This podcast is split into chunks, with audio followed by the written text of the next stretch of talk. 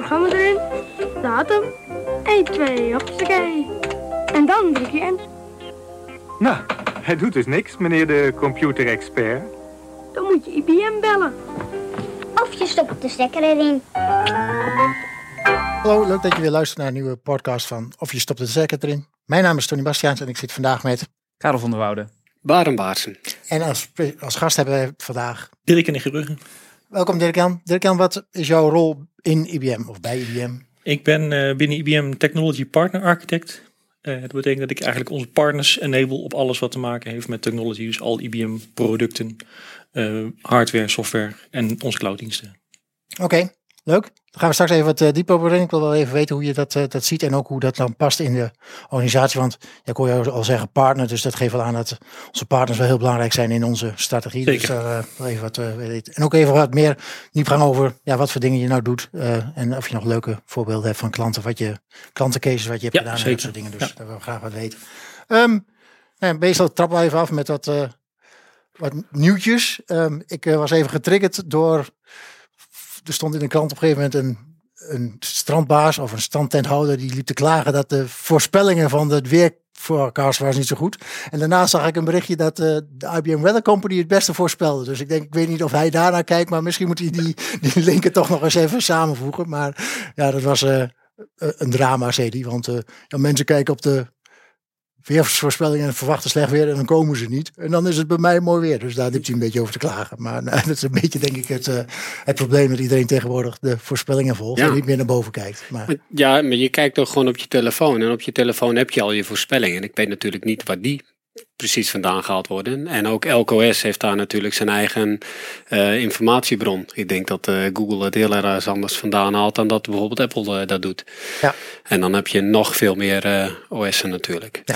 En het is natuurlijk heel lokaal. En kijk je heel lokaal wat je eruit krijgt of doe je het heel ver. En, en ja, daar, nou, daar zitten natuurlijk heel veel gradaties in. Dus, ik kijk ook heel graag naar buiten, als ik eerlijk ben. Ik ga niet kijken van, hey, morgen wordt het waarschijnlijk slecht weer, dus we kunnen niet lekker een dagje weg met de kinderen. Nee, uh, hoe kijkt? Nou, het ziet er volgens mij wel goed uit. We gaan gewoon lekker. Als jij, als jij gaat hardlopen, dan kijk je niet van tevoren eventjes of, het, of je verwacht dat het gaat regenen. Nou, als het heel hard regent buiten, kijk ik wel eventjes of het wat minder wordt. Want ja, heel nat worden, uh, nou ja, met dit weer valt er wel mee. Maar uh, als het wat kouder is, liever niet. Nee. Had jij nog wat anders leuks? Ja, ik had, uh, ik had nog wat anders. Want uh, eind juli werd er uh, iets heel groots geannonceerd. En dat, ja, dat is op mijn vakgebied, op IBM Z. Op de mainframe wordt ook wel genoemd. er wordt een nieuw OS geannonceerd. Dus versie 2.5.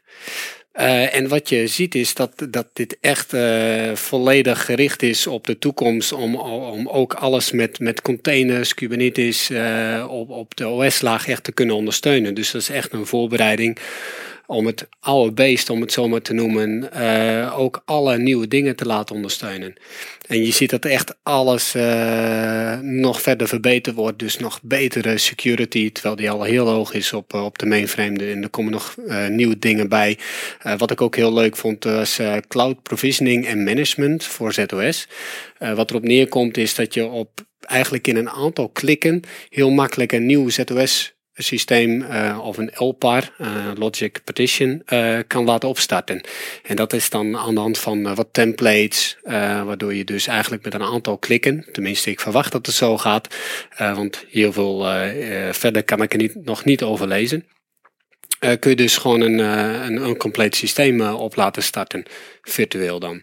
Uh, ja, en dat is gewoon weer heel handig, want als je tegenwoordig gewoon ziet, is dat, dat, dat dus mensen uh, gewoon een testsysteem willen om daar het een en ander te kunnen testen, wat je verder in de productie uh, wil gaan uitrollen. En als je dan moet wachten op een system administrator die dan eerst dat systeem volledig voor jou moet gaan inrichten, ja, dan duurt het vaak al te lang en dan gaan we wel op een ander platform gaan we het, gaan we het bouwen. En ik denk dat dit ja, een hele mooie oplossing is om uh, in een aantal klikken uh, gewoon een compleet systeem uh, uit te rollen. En dit is een van de nieuwe features of de bijgewerkte features voor dit, dit nieuwe OS, versie 2.5. Um, ik moet zeggen, want ik, ik kan hier natuurlijk wel een half uur over praten, maar laten we dat doen als deze versie ook echt uitgekomen is. Dan nodigen we wel even iemand uit die hier veel meer over kan vertellen. Um, maar ik weet wel dat 17 augustus eh, wordt er een eh, presentatie gehouden die voor iedereen open is. Over dit nieuwe eh, ZOS-versie. Ik zal een linkje zetten in de show notes waar je kan vinden. Volg je mij op LinkedIn, dan heb je hem al gezien. Schrijf je lekker in en dan, dan kun je alle nieuwe features zien. Dus ik, ik ben zeer benieuwd in ieder Oké, geval. dankjewel Bart. Ja, en je ziet wel, denk ik, als je het zo hoort, het past wel heel erg in de lijn van hoe wij doorontwikkelen binnen IBM en, en, en alle vlakken van containerized ready, eh makkelijk deployen, cloud ready, dat soort dingen. Dus die stappen Precies. zien we wel, maar we blijven wel bij ons eigen platform waar we dat doen. Dus eh, we zien daar die, die ontwikkelingen wel. Dus eh, het is wel een interessante ontwikkeling weer. Dankjewel, eh Barend.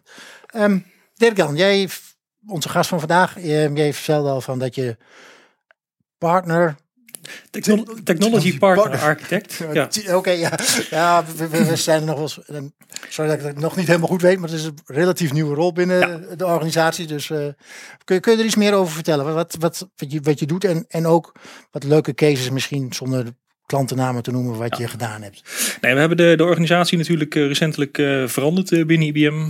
Dus we zijn nu als IBM eigenlijk twee dingen. Onze services afdeling, business services en, en technology. alle, alle productgroepen. En eh, daarbinnen hebben we twee stukken, een ecosysteem eh, waar meer, meer partners eh, zeg maar, betrokken zijn. En een aantal klanten, een select aantal klanten waar nog direct mensen naar, naartoe gaan. Ehm, dat partnersysteem is voor IBM heel belangrijk. En daar worden we steeds, het wordt, wordt steeds belangrijker. Het, via onze partners dingen verkopen of partners die dingen met onze producten maken en dan aan hun klanten verkopen.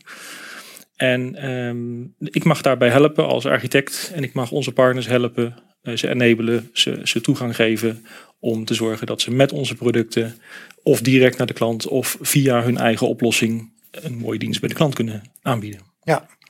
En ik hoorde jou ook al zeggen ehm, systems en, en software of hardware en software. Nou weet ik dat jij uit een systems komt, dus je hebt een, een hardware achtergrond. Ik heb Eh, zeker een hardware achtergrond. Ja. En, hoe zie je daar? Want we hebben natuurlijk ehm, de vorige podcast hebben we met Mark eh, Loos gehad over moder- modernisatie, eh, containerization, maar dat was meer op die applicatielaag. Als ik daar nu iets terug ga en naar het systems ga en zeg van hé, hey, mijn systemen, mijn, mijn power, mijn Z, eh, mijn storage, want dat zijn natuurlijk onze, onze key infrastructuurblokken. Wat, wat zien we daar gebeuren en hoe ontwikkelt zich daar dan? Is, is dat Wordt dat meer commodity of wordt dat toch ook wel focus en blijven we daarop doorontwikkelen? Nou ja, je ziet natuurlijk gewoon wel een soort van eh, drive vanuit de markt naar ik wil standaard diensten afnemen. En of het dan een, een infrastructure as a service is of een, een, een platform of juist zelfs SaaS-achtige diensten. Vanuit de klantgedachte willen ze eigenlijk steeds meer een dienst afnemen en ook naar, naar dienst betalen. Uh, vanuit de, de aanbieders ligt dat wat genuanceerder, want uiteindelijk moet die hardware natuurlijk gewoon draaien. Uh, er zullen altijd klanten zijn die hun eigen hardware on-premise houden. Uh, al is het alleen maar uit of veiligheidsoverwegingen of uit kost, kostenperspectief. Maar er is gewoon echt een drive naar veel meer cloud-achtige diensten. Dat doen we als IBM zelf ook. er zijn ook een heleboel partijen, partnerpartijen, die zelf clouddiensten aanbieden aan hun eindklanten op basis van nou ja, IBM en andere producten. Um, en als je kijkt naar de infrastructuur invulling voor die microservices, hè, waar jullie met Marco over gehad hebben. Um, dan zie je naast het feit dat, nou ja, Barend zegt net al, we gaan opzet uh, makkelijk deployment uh, maken. Dat doen we op het Power Platform ook, dat doen we op de storage uh, omgevingen ook. Hè. Alles wordt een beetje geïntegreerd daarin. We kunnen heel makkelijk, eigenlijk met een druk op de knop, hele omgevingen deployen. Um, en dat doen we dan ook nog met containers, waarbij we microservices veel makkelijker kunnen deployen door nou, de developers zelf in plaats van allerlei um, beheerders die dan allerlei werk moeten gaan doen. Dus die, die trend die zie je. Uh, en dat zie je zowel on-premise als in de, in de publieke cloud. Oké, okay. en ik hoor jou ook weer containers zeggen. Houdt het nou eigenlijk in dat, dat de hele wereld naar containers gaat? Dat we alles in, in containers drukken? Want... Nou ja, daar, daar hebben jullie met Mark volgens mij ook uitgebreid over gehad. Hè?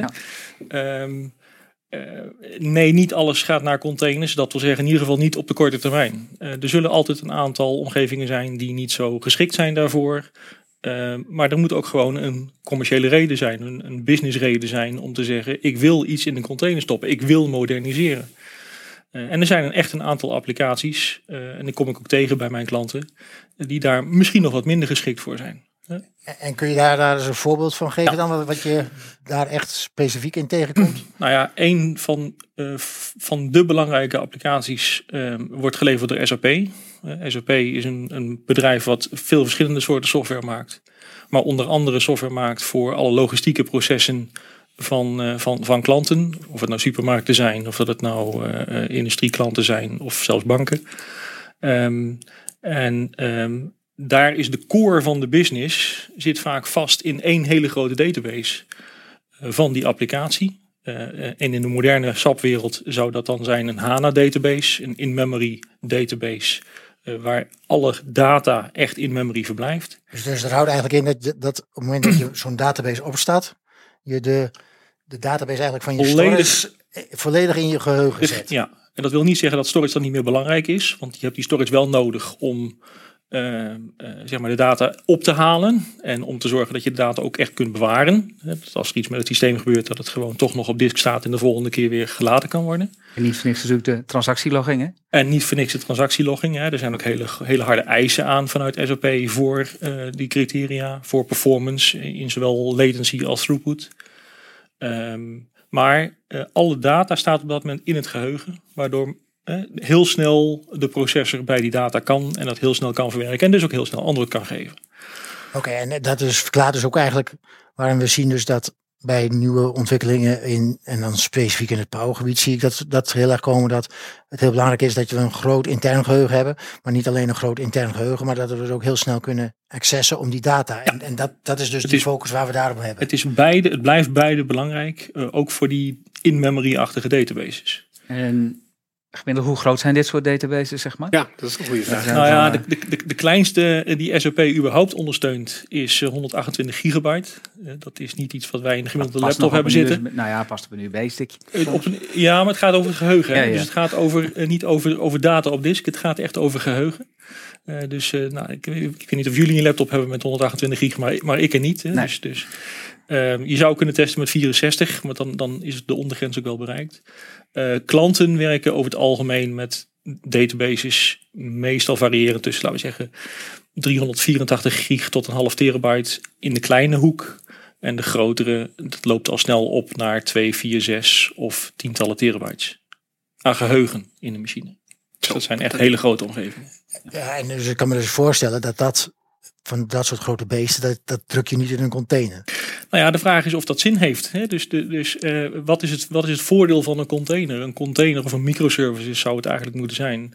ehm, is iets wat je ehm, eh, neerzet om makkelijk te kunnen deployen, om het makkelijk te kunnen onderhouden hè, en om makkelijk updates te kunnen doen, om makkelijk hè, je hele, je hele development proces, je hele development keten makkelijk te kunnen onderhouden. instances naast elkaar gaan draaien, zeg Nou maar, ja, bijvoorbeeld. die, die, die developer die dus graag even een extra testomgeving neer wil zetten, dat soort zaken, dat wil je heel makkelijk in een container kunnen deployen. Daar wil je niet een hele infrastructuur voor moeten optuigen.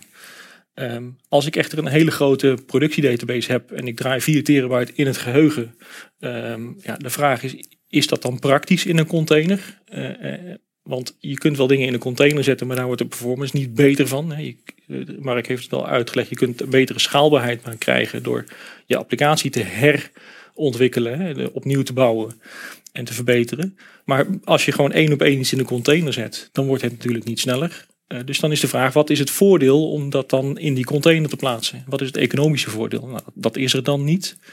Eh, wat wel zo is, is dat je natuurlijk voor developmentachtige omgevingen misschien juist wel containers zou willen gebruiken. Ja, dus ehm, eh, we, hebben vanuit IBM ook een red paper ge- gemaakt inmiddels, waarbij, waar beschreven is hoe je SAP, ook HANA-omgevingen, applicatieservices en databases, zou kunnen deployen in containers. Met het doelstelling oog op dit moment op development omgevingen. Hè? Dat die developer snel iets zou kunnen doen. Maar voor productieomgevingen ja, is de vraag, is dat nou wenselijk? Is het haalbaar? Is het, eh, is het, is het praktisch? Zie je dat dan nog steeds nut hebben, zeg maar? Dus dan, eh, ik snap dat het voor developer makkelijk is om te gaan ontwikkelen daarop. Maar goed, dan ontwikkel je op een omgeving die containerized is, zeg maar. En daarna zou je in productie gaan in een omgeving die niet containerized is. Ja, maar het grappige is dat het, het deployment mechanisme van SAP zelf, hè, eh, eh, dat is wat Mark ook even aangegeven twee sessies geleden, is eh, de, als je een grote applicatie afneemt van een leverancier, dan ga je dat niet zelf ontwikkelen. Dat laat je aan de leverancier over. Ja, DB2 neem je van DB2 af. Van, van IBM af. Ehm, SAP en HANA neem je van HANA af. Dus je zult het aan HANA moeten overlaten om dat te ontwikkelen. Ehm, en daarmee ehm, eh, ga je niet zelf dat proberen op te knippen in stukjes. Eh, dus je, je deployt het als één geheel en daarmee installeer je het als één geheel. En dat betekent dat voor een developer het alleen maar is, ik heb een HANA instance. En het deployment mechanisme van de development code van HANA gaat eigenlijk helemaal buiten de infrastructuur om. Die gaat in HANA zelf, in, in SAP zelf, is die deployment keten geregeld. Ja. Dus dat kun je ook met, die, met containers in combinatie met gewoon traditionele virtual machines doen. Dus dan krijg je echt, echt twee omgevingen naast elkaar op dezelfde hardware. Het zou op dezelfde hardware kunnen zijn. Eentje zou ook on-premise kunnen draaien en andere zou in de publieke cloud kunnen draaien. Ja, dus op die manier zeggen van ja, je kunt een hybrid on-prem doen, maar je kunt ook dus, Ja. dus een hybrid omgeving op, op die manier en je eh, kunt, bouwen. En we, we kunnen ook gewoon een OpenShift container eh, of een OpenShift cluster op dezelfde hardware draaien als die HANA database. Dat kunnen we prima. Eh, dus daar onderscheiden we ons overigens in. Dat is het enige platform waar dat het eigenlijk op kan, is het IBM Power platform. Ehm, maar je kunt gewoon die dingen naast elkaar draaien. Eh, maar je kunt ze ook, eh, containers zijn vrij makkelijk om te verplaatsen. Je kunt ze ook eh, verplaatsen naar iets anders. En, en zie je dat, meerdere, je, praat nu heel veel over SAP HANA en, en dat is natuurlijk een, een nou ja, ik zal niet zeggen industriestandaard, maar dat is vrij, vrij verbreid in onze omgeving. Er wordt veel gedraaid op Power systeem. Zie je dat eigenlijk meer database leveranciers of andere applicaties het ook allemaal proberen het in, in memory te doen om, om daar die snelheid te, te krijgen? Of Ja, je ziet wel dat de grote database leverancier allemaal in-memory databases hebben. Dat geldt, ze hebben het allemaal op een iets andere manier ingericht. Dus DB2 doet het zelf ook al heel lang. We hebben ook in-memory versies of in-memory. eh, eh, en het is allemaal ook niet... eh, dus eigenlijk hebben ze wel, wel allemaal een slag gemaakt van... Vroeger hadden we iets dat heet relationele database met tabellen en, en indexen. Nou, die, die tabellen waren rij georganiseerd. Tegenwoordig die in-memory die organiseren ze intern wat anders, column-based. Eh, maar je ziet al die leveranciers wel op die manier in memory hun processen versnellen. Met of de hele database of een deel van de database. Eh, DB2 doet dat met een deel van de database. SAP is begonnen met de hele database, maar is nu ook bezig om toch stukjes van de database offline te laten staan of op, op disk te laten staan. Eh, Oracle doet ook iets eh, vergelijkbaars. En er zijn zelfs ehm, ehm, databases die zijn helemaal ontworpen met alleen maar een in-memory eh, aangelegenheid.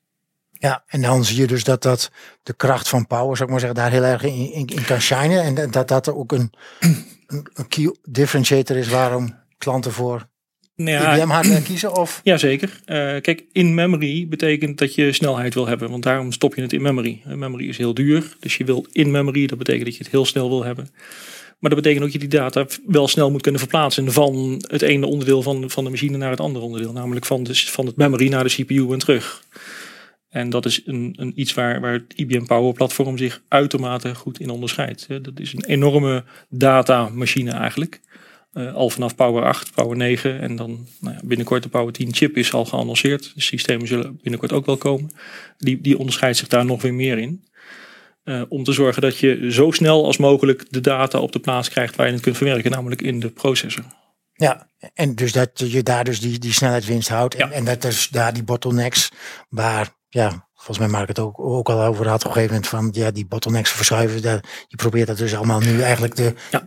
de rekenkracht naar de, naar de data te brengen. En op die manier, En, en, en, en dan even terugkomend op je eerdere vraag inderdaad. Ehm, ehm, eh, is het commodity of, eh, of niet? Eh, we zullen heel veel standaardisatie hebben. Maar er zijn voor dit soort workload eigenlijk altijd een soort van optimale platformen nodig. Of in ieder geval voor een heel, heleboel klanten nodig. Ja, je kunt vast ergens in een, in een speelomgeving, in een testomgeving, in een zandbak iets proberen te, te, te, doen met, met eh, andere hardware. Maar op het moment dat het echt productieruik moet zijn, dat het echt moet schalen, dat het echt moet performen, dat het veilig moet zijn enzovoort. Ja, dan wil je gewoon toch een stukje eh, hardware hebben eh, die daar echt voor gemaakt is. Nou, en dat is eigenlijk het IBM Power Platform voor dit soort omgevingen. Ja, en ik, en ik denk ook gezien de, de business cases die we hebben en ook de klantencases die we, die we daarom kennen en de namen die daarom zijn, denk ik ook dat we daar ook een proven track record hebben. Zeker. Dat, we- dat we het echt laten zien dat we dat kunnen. Het is niet alleen dat we het zeggen dat we het kunnen, maar we doen het ook. en de klanten zijn daar ook, ja, denk ik. Ik, ik ben sinds kort dan, sinds 1 juli formeel dan eh, de, de, de titel eh, Technology Partner Architect. Maar ik werk al veel langer samen met een aantal partijen en ook met een aantal partners. Eh, en daar zijn ook een aantal partijen die dan inderdaad bijvoorbeeld SAP HANA of SAP Load in zijn algemeenheid hosten voor klanten of dat aanbieden als een clouddienst. Eh, en daar hebben we hele goede ervaringen mee om dat te laten landen op eh, het IBM Power Platform. Die partijen zijn ook heel blij, heel tevreden. Eh, het is stabiel, het performt altijd goed. Eh, ze kunnen het maximaal virtualiseren. En dat is gewoon eh, ideaal voor deze partijen. Ja, en die Ik, hebben eh, ja, sorry dat ik jullie onderbreek, maar ik hoorde, of ik las, want ik was nou even op zoek naar eh, nieuwe announcements om eh, hier in de podcast te kunnen vermelden, dat SAP ook weer, eh, weer een samenwerking met IBM heeft eh, versterkt. Eh, k- kun je daar iets over vertellen? Nou ja, we hebben op verschillende vlakken samenwerking met, eh, met IBM. eh, met sorry, SAP? met SAP. Ja? Ehm, en eh, ehm, er zijn de afgelopen half jaar, ik denk dat dat in maart, april of mei geweest is. Ik denk Nou, april volgens of mij mei zelfs geweest juni, eh, maar ik zal maar wel even bijzoeken, dus dat stoppen we hem wel even in de show notes. hebben we eh, eh, iedere keer weer aankondigingen doen dat we samenwerking doen met SAP om nou ja, dingen te optimaliseren, dingen samen te ontwikkelen. En dat doen we ook niet alleen vanuit de hardware technologie, maar ook met onze services tak. Om te zorgen dat we samen met IBM en SAP beide klanten, het zij via partners, maar beide klanten uiteindelijk, de, de migratie van de oude traditionele, wat ze noemen business suite, naar de nieuwe eh, omgeving, de nieuwe applicatie van SAP ook kunnen migreren. Dat is een van de, van de aankondigingen die we gedaan hebben dit, dit voorjaar. Ah, oké. Waarbij, waarbij we dus gewoon de klant helpen om van het oude traditionele naar het nieuwe, het nieuwe SAP-landschap te gaan. Ja, ja want eh, dat is ook iets. Want volgens mij moeten de, de klanten ook binnenkort over naar dat nieuwe landschap. Ja, SAP heeft het wel uitgesteld. Het is nou 2027 als laatste. Ehm, eventueel met een uitloop naar 2030 in de verlengde support. Ehm, dat wil niet zeggen dat ik een klant zou adviseren om te wachten. Ja. Eh, hoe langer je wacht, hoe groter de stap wordt. Eh, want SAP gaat natuurlijk gewoon door in de ontwikkelingen van eh, hun nieuwe producten. En de oude producten zullen daar wat in achterblijven. Dus de stap die je gaat maken als je in 2026 een keer naar, naar de nieuwe omgeving gaat. Ja, die zal enorm groot zijn. En de vraag is of dat in één keer kan, of dat het dan nog handig is. En, en of dat er dan genoeg resources zijn om je te helpen. Ja. Want het wordt druk.